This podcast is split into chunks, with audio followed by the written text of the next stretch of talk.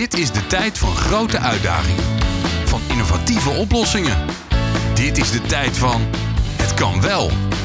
Dit is onze tijd. Een podcast van TNO met Glen van der Burg. Ziektes zoals diabetes type 2, hart- en vaatziekten en stressgerelateerde ziektes nemen de laatste jaren sterk toe. Gelukkig is er ook goed nieuws. Onderzoek toont aan dat je zelf veel kunt doen om chronische ziektes te voorkomen. Een gezonde leefstijl met gezonde voeding, regelmatig bewegen en niet roken en liefst ook niet drinken spelen daarbij een belangrijke rol. Maar gezond eten en bewegen wordt door onze drukke samenleving niet altijd gestimuleerd. Hoe geven we mensen een gezonde omgeving? Hoe helpen we mensen om gezonder te leven en ook gezonder ziek te zijn? We hebben twee experts voor je uitgenodigd. Suzanne Woperijs is Principal Scientist bij TNO. En Rogier Larik is leefstijlapotheker en eigenaar Care for Cure. Tijd om levens gezonder te maken. Dit is onze tijd. Ja, waarom dit onderwerp eigenlijk? Als je kan kiezen uit alle dingen die we kunnen verbeteren in de wereld, waarom focus jij je dan op leefstijl, Suzanne? Waarom vind je dat zo'n mooi, belangrijk onderwerp?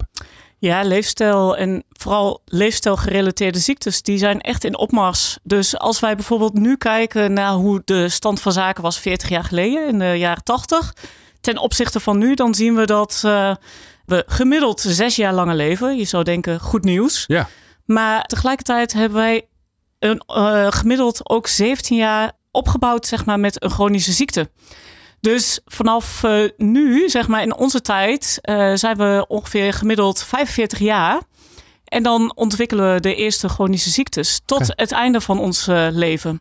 En als we dan kijken en dat naar was vroeger dus anders, hoor ik je Dat zeggen. was in de jaren 80 was dat anders. Ja. Okay. Toen uh, begon het ongeveer uh, gemiddeld op een leeftijd van nou ja, 55, rond de 60. En Zo. nu al rond de nou ja, tussen de 40 en 45. Okay. En als we dan kijken hoe het de aankomende 20 jaar zal zijn, dan nemen die getallen alleen nog maar toe.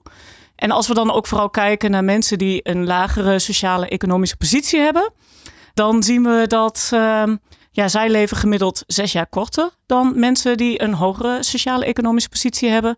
En zij hebben nog eens een additionele 15 jaar extra leven, zeg maar, met een chronische ziekte. Dus ja, we leven langer, maar vooral langer in een conditie van een chronische ziekte. Ja. En waarom denk jij dan, daar, ga ik, daar wil ik wat aan doen? Het is natuurlijk zeer niet wenselijk, dat zal iedereen gelijk voelen. Maar bij jou gaat het vuur dan aan. Ja, zeker. En de aanleiding voor mij persoonlijk was eigenlijk mijn vader. Want mijn vader is een van die personen die ook een leefstijlgerelateerde ziekte heeft uh, opgebouwd in zijn leven. Dus hij heeft ja, al een jaar of 15 jaar geleden een beetje, heeft hij een atherosclerose heeft hij ontwikkeld. Dat was, is een ziekte aan de hart en vaten. En in die tijd had hij een arts en die uh, vertelde mijn vader van, ja, ga bewegen. Je moet echt bewegen en ja. gezonde eten. En mijn vader was nog een van de oude stempel. Dus uh, hij nam het woord van de arts heel serieus en doet dat op de dag van vandaag. En wat ik toen zag was zeg maar dat uh, hè, dus zijn vaten zaten verstopt. En door het bewegen gingen er allemaal weer nieuwe bloedvaten zeg maar vormen rondom mm. dat, ja, nou ja, het stolsel. Wow. En ik dacht, wauw, dat is, dat is heel prachtig hè, dat het lichaam dus zo goed in staat is eigenlijk om weer gezondheid terug te winnen. Ja. Waarom doen we daar niet uh, wat meer mee? En eigenlijk is dat de aanleiding uh, geweest om me hierin te verdiepen en met leefstijl aan de gang te gaan. Gaaf. Ja. Ja. Ja, het, we zijn, ja, het grappige is dat je hebt allerlei superhelden die kunnen regenereren. Die doen dat iets sneller natuurlijk dan dat wij het doen. Maar eigenlijk kunnen wij dat dus ook. Absoluut. Wauw, te gek. Absoluut. Rogier, hoe is dat bij jou? Wa waarom, waarom gaat jouw hart kloppen voor dit onderwerp? Nou, er zijn uh, verschillende redenen natuurlijk. Uh, een x-aantal zaken die Suzanne net zei van we worden eerder ziek relatief. Dat kwam bij mij echt binnen. Ik dacht, wat, er is iets aan de hand. En um, als je er eenmaal echt uh, onderzoek naar gaat doen en het, het, het zelfherstellende vermogen van het lichaam gaat ontdekken, in ieder geval uit onderzoek en literatuur, dan denk je van, hier moet ik echt iets mee. En als apotheker ben ik natuurlijk hè, bekend met alle medicijnen. En um, door, hè, door die onderzoeken te lezen dacht ik van ja, we zijn toch vooral met symptoombestrijding bezig. Wat, wat kunnen we hier nou echt mee door eh, te gaan focussen op de oorzaak? En ja, dan ga je van het een in het andere en dan val je van de ene verbazing in de andere. En ik denk vooral het onderzoek wat uh, bij het TNO is gedaan van diabetypering was voor mij echt de eye-opener. Dat mm -hmm. was voor mij een beetje de, de, de entree, de echte toegang naar uh, Want, de waar, kracht waarom, van leefstijlgeneeskunde. Waarom ging, dat, waarom gingen toen bij jou de, de deurtjes en de luiken open? Nou ja, ik bedoel, in, in, de, in de gezondheidszorg en bij, hè, bij uh, diabetes uh, bijvoorbeeld focussen we vooral op de glucose. Die willen we binnen bepaalde bandbreedte houden, natuurlijk om schade te voorkomen op lange termijn. Alleen wat er onder de motorkap gebeurt, wat we allemaal doen, hè, onder andere met medicatie om de glucose omlaag te houden. eh, ja, dan, was ik me niet zo aan het realiseren wat dat deed met hè, wat onder de motorkap gebeurde. En dat was in het onderzoek van de diabetipering dat mij dat echt eh, toegang gaf tot eh, onder de motorkap kijken. Ja. En toen dacht ik, ja, dat zou dus inhouden dat we heel anders naar de medicijnen moeten kijken. En realiseren dat het vooral symptoombestrijding is, kunnen wij als apotheker ook kijken naar de oorzaak. En kunnen we daar ook een bijdrage aan gaan leveren. Om, dat, eh, om het zelfverstellende vermogen van het lichaam weer eh, echt aan te gaan spreken. Ja, jij bent leefstijlapotheek. Ja. Wat is dat? Ja, goede vraag. Wat is dat? Want een is, apotheker verkoopt pillen, denk ik altijd maar. dat klopt en dat doen we ook nog steeds. En, eh, maar we willen heel graag onze rol als zorgverlener veel duidelijker naar, naar buiten brengen. En de distributie van eh, een medicijn zien we ook nog steeds als zorg. Maar we willen graag die, eh, die begeleiding gaan geven. Bedoel, elk medicijn dat we verstrekken gaat door vier, vijf controles heen voordat het met de patiënt mee mag. Dus dat blijven we sowieso doen. Maar we willen vooral de gezondheid en eh, dus integraal kijken naar die patiënt. Want een patiënt gebruikt ook medicijnen, maar die slaapt ook. Die heeft stress. Die gebruikt ook voeding. En dan zijn we aan het kijken van wat is de mogelijkheid om de patiënt te begeleiden om ja, misschien wel met minder medicijnen uit te gaan kunnen. Oké. Ja, dus je gaat ook eh, wandelen voorschrijven. Of, eh Ja, bijvoorbeeld. eten. bijvoorbeeld ik bedoel, Ja. de artsen schrijven natuurlijk nu nog, nog de medicijnen voor. Ja, maar dan, Nou ja, schrijf voor het is veel dat we in gezamenlijkheid met de artsen en alle paramedici eh, om de apotheek heen kijken. Hoe kunnen we dat nou doen? En wandelen op recept of groen op recept, dat zijn echt een van de mogelijkheden. groen op recept. Zelfs groen op recept, ja. Oh, wauw. Ja. Nou, daar gaan we het straks zeker nog meer over hebben. Hoop ik. Ehm Suzanne, wat is de ambitie van TNO op dit terrein? Gebied van leefstijl. Ja, onze moonshot, eh, zoals wij dat dan noemen, hè, dus onze inspiratiebron, is dat wij in 2030 eh leefstijlgerelateerde ziektes eh, willen verminderen. Hè. Dus we hebben zelfs de ja, hoge ambitie om bij te kunnen dragen om 50% van de, ja, de burden van chronische ziektes, dus eigenlijk eh, ehm, de last van chronische ziektes, om die zeg maar in 50 procent. Ja, een dus- moonshot is inspirerend. Dus we willen, echt, we willen echt impact eh, gaan, mee, gaan maken. Dus niet omgekeerd hebben, hè, maar wel de last van eh leefstijlgerelateerde ziektes echt eh, verminderd eh, hebben. Ja. En dat in 2030 volgens mij, toch? Ja, ja, Nou. ja, dat is al snel hè? Dus laten we daar naartoe gaan. Ja. Gaan jullie mee? Tijdmachine actief. Jaar 2030. Zo, en zo zijn we er al. Ja, ja. Volgens mij is er geen, eh, geen ambitie van TNO om een tijdmachine te ontwikkelen. Maar het zou misschien ook nog wel een leuk idee zijn. ja, we zijn in 2030. Het is gelukt, die, die ambitie die je net hebt verteld. Hè, dus de helft van, eh, van het last of het lijden van, eh, eh, van leefstijlziektes, die, eh, dat is opgelost. Wat is er veranderd in de wereld, in Nederland? Ja, best wel veel. Leefstijl is echt geïmplementeerd in de zorg. Dus je kunt nu leefstijl op recept krijgen. Elke zorgprofessional, elke paramedici weet wat leefstijltherapie is en hoe die daarin moet acteren. En ook de eh, patiënten of burgers weten wat ze moeten doen. Hè? Dus zij zijn echt in regie om hun gezondheid in handen te nemen en daarop te sturen. Dat is zowel curatief, hè? dus op het moment dat je een ziekte hebt, dat dat, dat eh, aangereikt wordt. Maar ook zeg maar preventief. Hè? Er zijn tools en ehm, digitale tools, maar ook eh, metingen zeg maar, beschikbaar die goedkoop zijn, waardoor mensen inzage krijgen in hun gezondheid. Maar daar, die zijn ook actionable. Hè? Dus men kan daarop acteren. Ja, het is niet alleen maar dat er bewustzijn is. Want anders dan gaat die eh, last natuurlijk niet beneden. Er moet wat gedaan worden. Exact. Ja, Rogier, 2030. Die ambitie is gehaald. Hoe, hoe ziet jouw vak eruit? Wat doe je? Wat ben je aan het doen tegen die tijd? Nou ja, in, ieder geval heel wat. Ik denk omdat medicijn natuurlijk in de apotheek nog steeds een centrale rol zal blijven spelen. Maar dat we ook eh, mensen gaan begeleiden. Eh, begeleiden op verschillende manieren. Eh, zoals bijvoorbeeld als mensen starten met een medicijn. Misschien niet bij de eerste keer, maar wel vanaf de tweede keer. Dat we gaan kijken van, goh, is er al een keer met de huisarts of met andere medici gesproken. Dat het misschien niet een levenslang karakter hoeft te hebben. Het medicijn, dat we al hè, kunnen een zaadje planten van, goh, wat zijn de mogelijkheden? Wat zou je willen? Uh, maar ook voor mensen die al langdurig medicatie gebruiken. Op dit moment hebben we al medicatiereviews. Maar dan proberen we steeds meer de leefstijl en gezondheid daarin mee te nemen. Uh, maar bijvoorbeeld dat het ook standaard is als iemand met een leefstijlprogramma begint. Uh, want een x-aantal medicijnen zorgen ervoor, hebben vaak als bijwerking, dat je heel moeilijk kan afvallen. Zelfs dat je in gewicht toeneemt of beperkt wordt in beweging. Dat we van tevoren allemaal screenings hebben dat mensen als ze beginnen aan zo'n leefstijlprogramma, dat ze niet dan met, met, eigenlijk met de achterstand beginnen. Mhm. Maar ook omdat het er net over het echte voorkomen, dat is misschien wat nieuwer voor de apotheek. Maar daar geloof ik heel sterk in dat voorkomen is ja, in mijn optiek altijd beter dan genezen. En dat we echt in alle apotheken in Nederland, als we dan groot gaan denken in 2030, dat het hebben van een gezondheidscheck, dat je het daar kan afnemen, eigenlijk normaal Okay. is. Ja. En de, vanaf een bepaalde leeftijd dat we dat aanbieden, of vanaf een bepaald hè, BMI, dat we, hè, dan weten we dat risico's toenemen. En dat dat eigenlijk standaard is. Het klinkt alsof je daarmee eigenlijk ook veel dichter bij je, ja, hoe noem je het? zijn patiënten, cliënten, burgers? Ja, nou ja, met, met zo'n zo'n gezondheidscheck willen we eigenlijk dat een, eh, een mens geen patiënt hoeft te worden. Dat we echt Ja. in die voorfase zitten. En we hebben in nu zo'n, kijken, 120, 130 apotheken eh, vinden die eh, gezondheidschecks al plaats. En wat ik van de apothekers terugkrijg is dat zij andere gesprekken hebben dan wat ze eigenlijk tot op heden hadden. En veel persoonlijke gesprekken, dus veel makkelijker een band opbouwen eh, met de mensen die hè, hopen dat geen patiënt hoeft te worden. Dus ja, ik kan het alleen maar beamen, ja.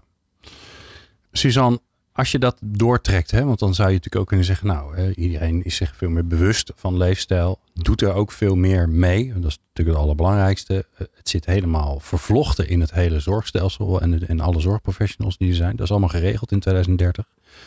Wat betekent het, feit dat die, dat, die, dat die last dat die minder wordt? Wat gaat dat in het leven van mensen betekenen?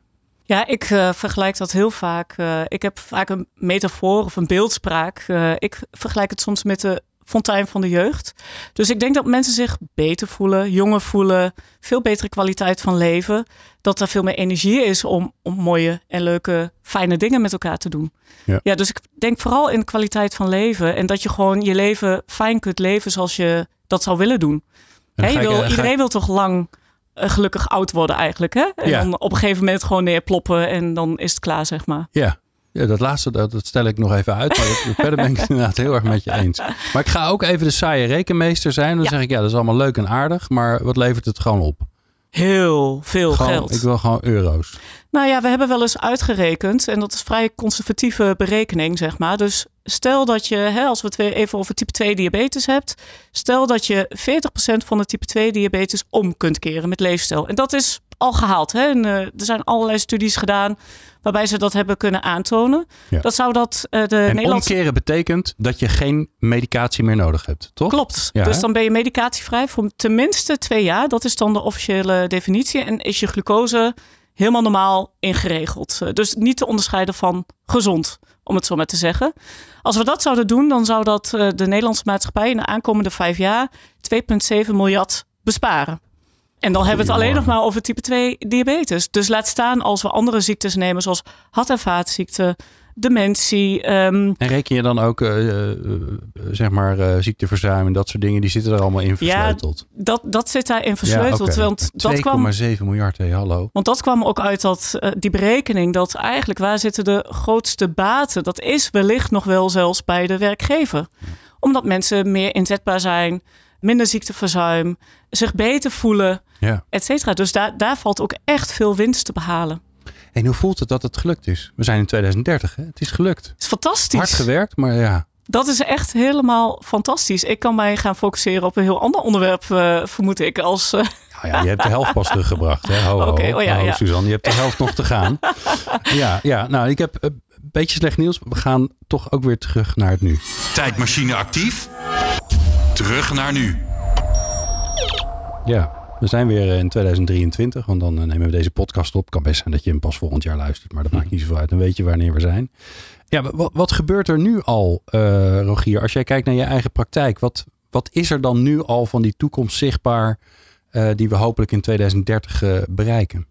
Nou, we zijn nu met een groeiende beweging, een groep van uh, leefstijlapothekers. Uh, we begonnen, wat is zo'n drie, vier jaar geleden met een groepje van 15. 15 die hierin geloven, die er al geïnspireerd in raken. En um, we hebben toen afgesproken, we gaan, hè, dat was toen in samenwerking met Arts en Leefstijl, van we gaan dit proberen groter te maken, dat het niet bij lokale projecten blijft. En als je nu ziet, um, er is ook een opleiding gekomen voor apothekers om hè, specifiek alles over preventie, leefstijl en gezondheid te weten. En je ziet dat mensen, hè, die apothekers geïnspireerd raken, uh, andere apothekers ook aansteken met, hè, zoals wij het noemen, het leefstijlvirus. En dat het uh, ja, van 15 ging het naar 40 en toen ging het ineens naar 100. En we zitten wow. nu op 270 in drie Zo. jaar. En hoeveel denk, zijn er in Nederland? Hoeveel heb je nog te gaan? Nou, je hebt 2000 apotheken, maar ik denk zo'n Oh, ja. 2800 uh, apothekers. Dus er zitten richting de 10 procent. Ja. Uh, Omslagpunt zit tussen de 10 en de 15 procent. Dan kan je niet meer terug. Dus, uh... Ja, ik dacht dat hij iets hoger was.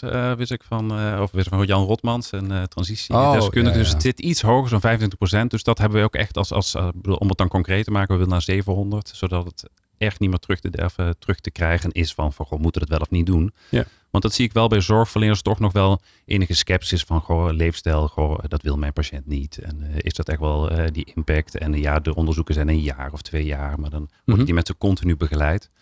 En Is er een businessmodel voor, voor jou?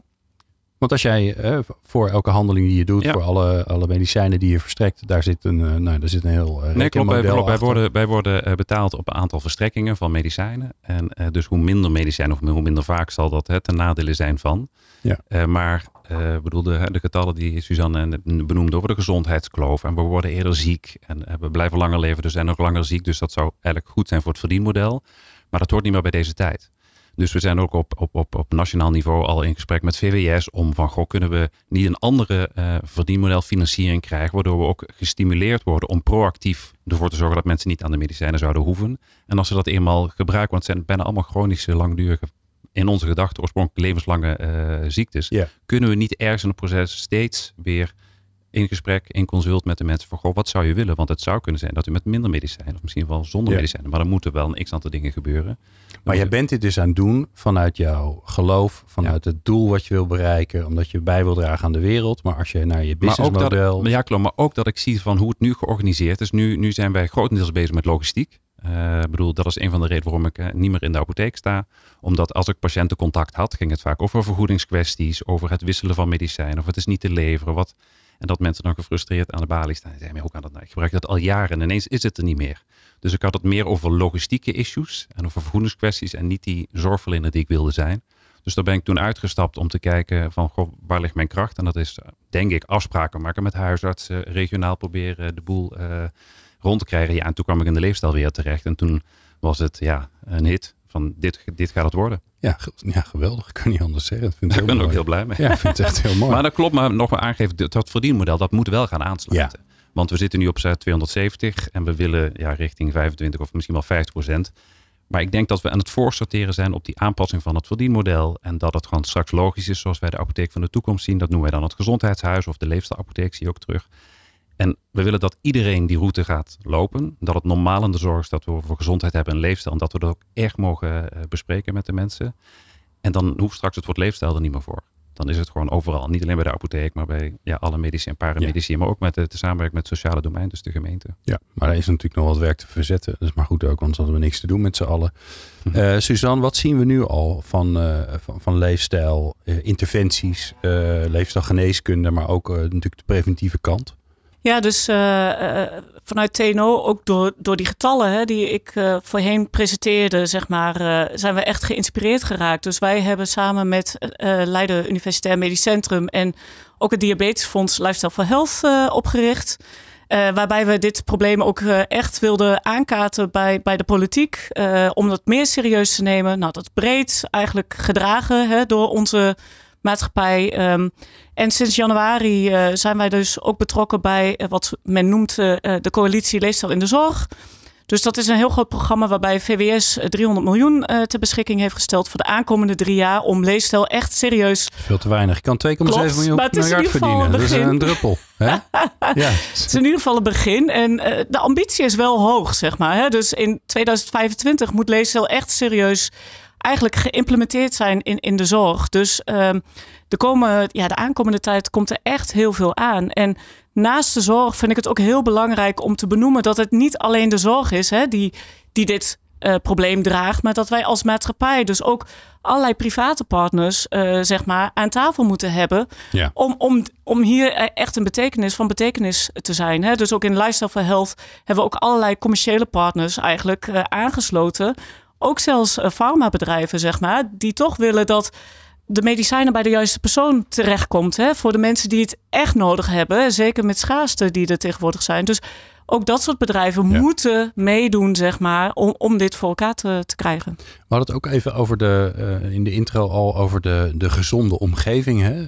Uh, dus uh, wij, wij zijn gedeeltelijk rationele wezens. Nou, ik kan je zeggen, ik ben s'avonds om negen uur, als ik mijn suikerdip heb, eh, ben ik totaal niet rationeel meer. Dus dat is het moment dat bij mij misgaat.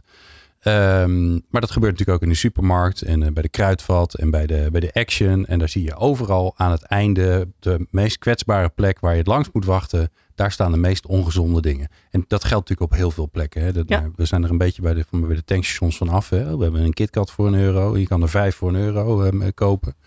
Ehm, hoe, zit het met die, met, dat, met die gezonde omgeving? Zorgen dat, ja, dat de omgeving ons uitnodigt of stimuleert... of misschien zelfs een beetje dwingt om de, om de goede dingen te doen.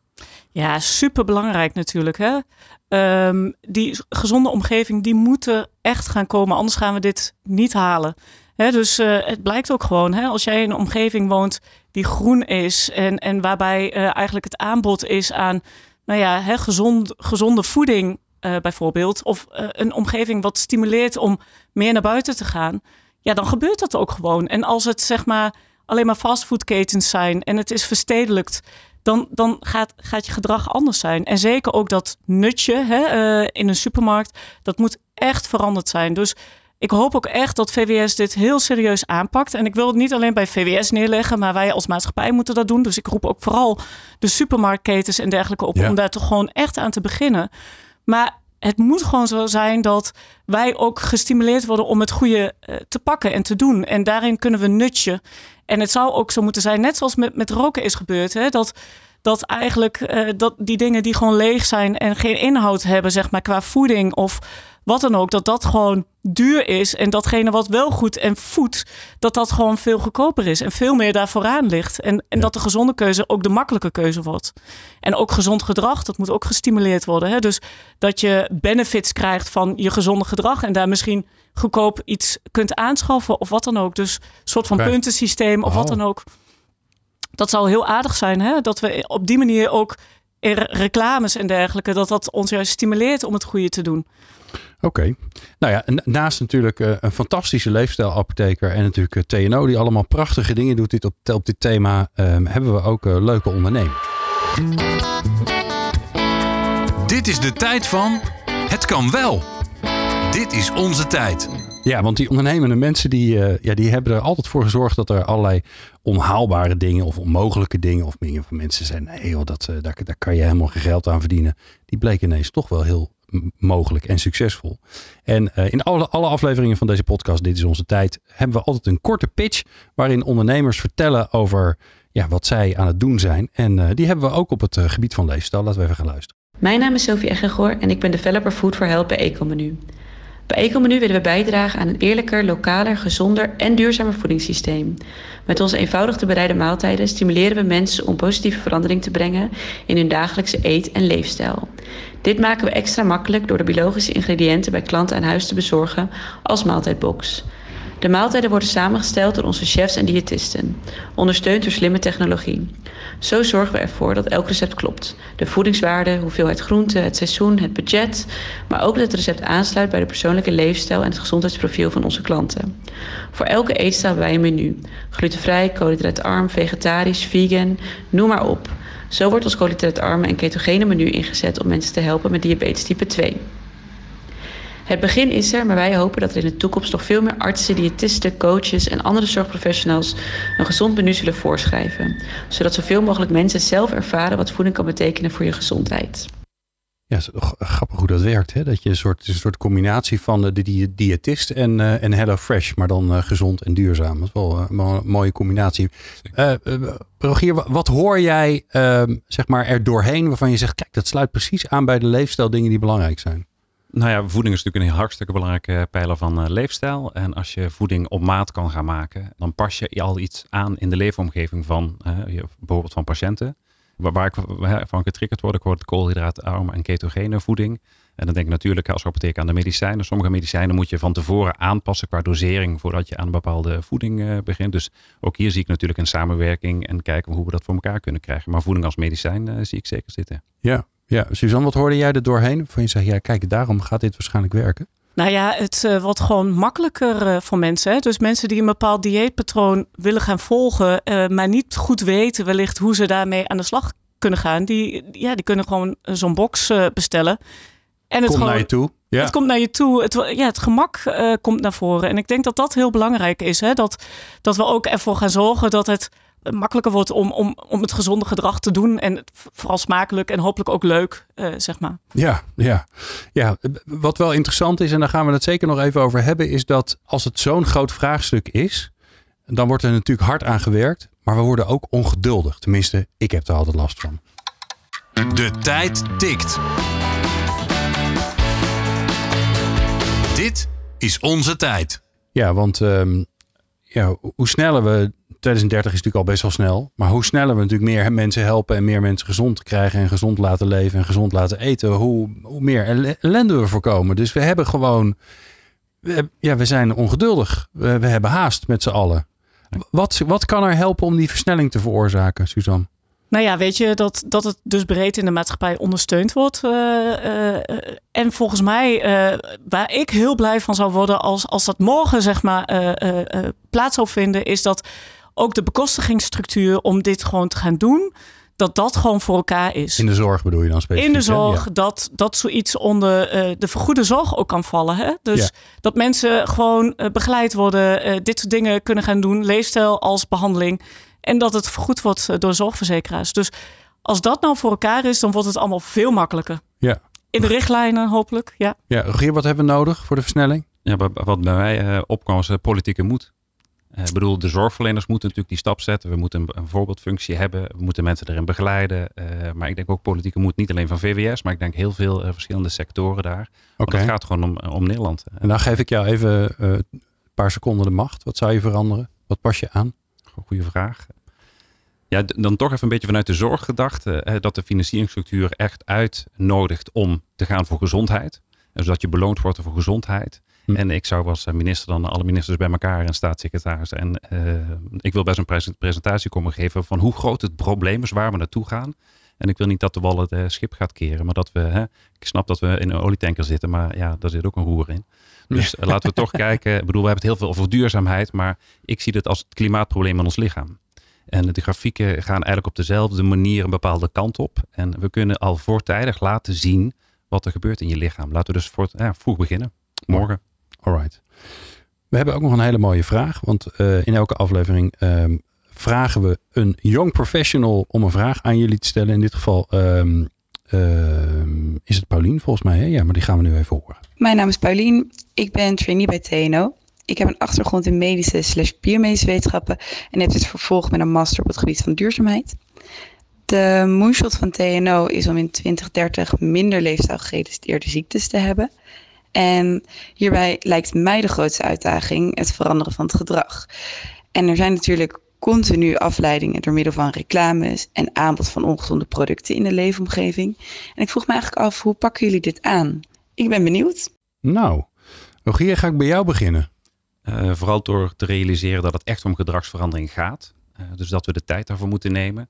En op zoek gaan van gewoon welk bijvoorbeeld begeleidingsprogramma moeten we bijvoorbeeld als we het over patiënten ook hebben. Dat moet ook echt op maat. En het voorbeeld wat net was met de, de voeding als medicijn uh, hoort er dan bij.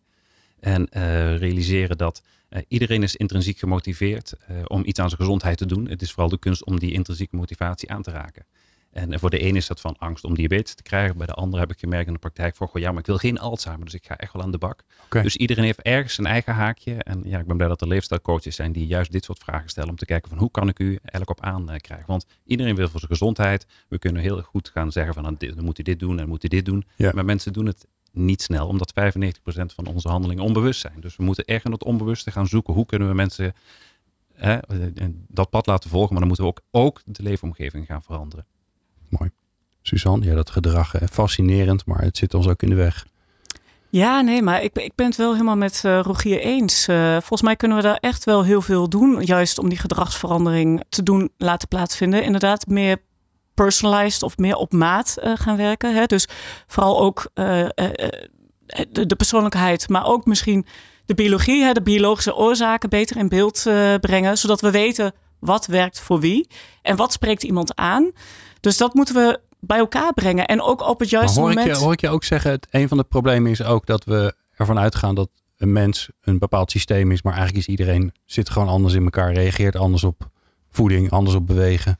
Ja, exact. Dus uh, in het geval van type 2 diabetes, het onderzoek waar Rogier uh, door geïnspireerd is geraakt, daar hebben we ook in laten zien dat er verschillende oorzaken zijn voor, van een ziekte. En afhankelijk van die oorzaak of leefstijl wel bij jou past, hè, dat het helpt om weer gezond te worden of niet. Ja. Uh, zeg maar. Dus uh, als je dan begint aan leefstijl als behandeling, dat is vrij intensief. Wil je ook wel weten dat jij het goede traject inslaat, hè? wat best bij jou past en ook waar de, waar de rek zit, uh, zeg maar. En ik denk ook dat het daarnaast heel belangrijk is, zoals gedragswetenschappers, mijn collega's dan vaak zeggen, hè? dat je werkt met de window of opportunity of iets wat jou stimuleert. Hè? Zij het, zeg maar, aan klimaatverandering werken. Nou, dat kan heel mooi samengaan om ook uh, zeg maar aan je gezondheid te werken. Dus met je kleinkinderen uh, gaan spelen of kunnen rennen of wat dan ook. Dus iets moeten we vinden bij mensen, zeg maar, wat hen triggert, motiveert om, om uh, die gedragsverandering nou ja, in te gaan zetten en, en het vol te houden. Ja. En daarnaast denk ik dat het aanbod veel groter moet worden. Hè? Dus de een heeft misschien behoefte in nou ja, dagelijks contact uh, wellicht met een zorgprofessional. Maar de ander kan het misschien prima zelf doen met een horloge. Of uh, soms is het wellicht uh, hè, een, een, een, app die je begeleidt in, in, de supermarkt. Er kunnen zoveel vormen zijn. En ik denk ook dat het leuk en de gamification en dergelijke. ja, dat zijn allemaal aspecten die je daarin mee kunt nemen. Zodat het ook gewoon lekker, leuk, vanzelfsprekend wordt. Zijn er genoeg mensen die hier een, ehm, eh, een vak van maken, die in dit, vak, in dit vakgebied willen werken? In de, we weten natuurlijk dat we in de zorg een enorm tekort hebben. Hè? Dus algemeen kan je dat zeggen. Maar dit is natuurlijk weer een, ja, toch een specialisatie. En daar zijn natuurlijk wel weer heel veel eh, vakgebieden uh, die aanpalend zijn. Maar hebben we genoeg mensen om dit voor elkaar te krijgen? Ja, ik denk dat dat ook echt wel een uitdaging is. Maar ook, weet je, we, hebben te dealen met tekorten in de zorg. En dat zal de aankomende jaren alleen maar erger worden. Terwijl uh, zeg maar het aantal mensen die een ziekte ontwikkelt uh, uh, groter wordt. Dus daar gaat een probleem ontstaan. Maar tegelijkertijd zie ik dat ook als een kans, hè, als een manier om toch naar alternatieven te gaan kijken. Dus zorg zal toch meer op afstand moeten plaatsvinden. Er zijn andere partijen in de maatschappij die dit denk ik voor een deel over gaan nemen. Er zijn andere technologieën, goedkopere technologieën. denk aan eh, ja, de draagbare horloges die, die daarbij kunnen helpen, zeg maar. Waarbij op afstand gemonitord uh, kan worden. En ja, de eerste resultaten ook uit onderzoek laten zien dat dat echt, echt heel krachtig is. Hè? Dus ik heb onlangs op een congres heb ik een heel mooi praatje gezien. En er vertelde iemand die had een simpele bloeddrukmeter aan de pols gehangen van heel veel mensen die een uh, hart- en vaatziekte hadden. En eigenlijk het enige wat men deed was in de gaten houden op afstand of men hun medica medicatie nam, zeg maar. En als dat niet zo was, werd er gewoon eerst een waarschuwing gegeven van we zien dat, dat je je medicatie niet hebt genomen. En als het nog een keer gebeurde, werd, werden ze gewoon gebeld door een uh, zorgprofessional van hey, uh, waarom heb je je medicatie niet, niet, genomen? En mensen gingen daardoor gewoon compliant worden met hun, ja. met hun behandeling. En daardoor, nou ja, je zou onvoorstelbare dat je... resultaten. Echt heel, heel ja. impressive. Zo simpel. Dat zei precies wat mijn horloge tegen mij zegt. dat ik moet gaan staan, dat ik, dat ik nog niet genoeg gelopen heb vandaag. Het is echt, uh, ja, ik heb echt vrienden met hem gesloten. Um, dank jullie wel. Um, uh, oh nee, nee, ik wil nog één ding met jullie doen. Want ik kan me heel goed voorstellen dat onze luisteraars denken, ja, allemaal heel belangrijk. Maar ik kan me ook voorstellen dat ze over zichzelf gaan nadenken en denken, ja, ik, ik moet eigenlijk ook wel wat doen. Rogier, wat is volgens jou het beste wat de luisteraar kan doen waarmee hij het meeste impact heeft, wat niet zoveel tijd kost voor zijn leefstijl? Uh, dan denk ik toch al gelijk aan voeding. Probeer geen tussendoortjes meer uh, te nemen, maar probeer het bij twee of drie maaltijden per dag te hebben. En waarom is dat belangrijk? Omdat hè, in die tussenfase uh, je je lichaam eigenlijk op een bepaalde manier hormonaal rust geeft. Zodat hij ook weer gebruik kan maken van, hè, van, de, van de, bijvoorbeeld de vetten die als energie kunnen gelden. Uh, en ook uh, zorgen dat bij, dat doe ik dan persoonlijk, bij, bij de lunch en bij, bij het avondeten groente gewoon de basis is van, mijn, van de maaltijd. Oké, okay. dus het meeste wat je eet is groente en de rest is voor de bij? Nou, voor de bij. Ik wil zeker vis en vlees niet nee. schuiven. Dus ja, ja. alright. Nou, een beetje gas weggemaakt, maar zijn vast nog wel leuke andere dingen. Eén ander ding, Suzanne, en dan sluiten we af. Ja, dan kom ik toch weer even een beetje terug bij mijn vader. Ik zou zeggen, toch even dat half uurtje bewegen per dag. Doet goed voor je hoofd, maar ook zeker voor je bloedvaten en voor je conditie, uh, voor je algemene gezondheid. Als, ja. als je dat kunt opbrengen, fantastisch. En wat moet ik dan doen, een half uurtje? Een half uurtje wandelen. Is, is, al, is genoeg? Is voldoende, ja. Zo moeilijk is het niet. Het is ook weer heel eenvoudig. Hè? Ja, en toch ingewikkeld, want anders hadden we het al lang opgelust. Uh, dank jullie wel dat jullie waren. Uh, prachtig om jullie uh, inspirerende verhalen, maar zeker ook jullie eigen passie te horen. Suzanne Woperijs heb je naar geluisterd van Teno en Rogier Larik. Leefstijlapotheker en eigenaar van Care for Cure. En jij natuurlijk, dank je wel voor het luisteren. Dankjewel voor het luisteren naar Dit is onze tijd.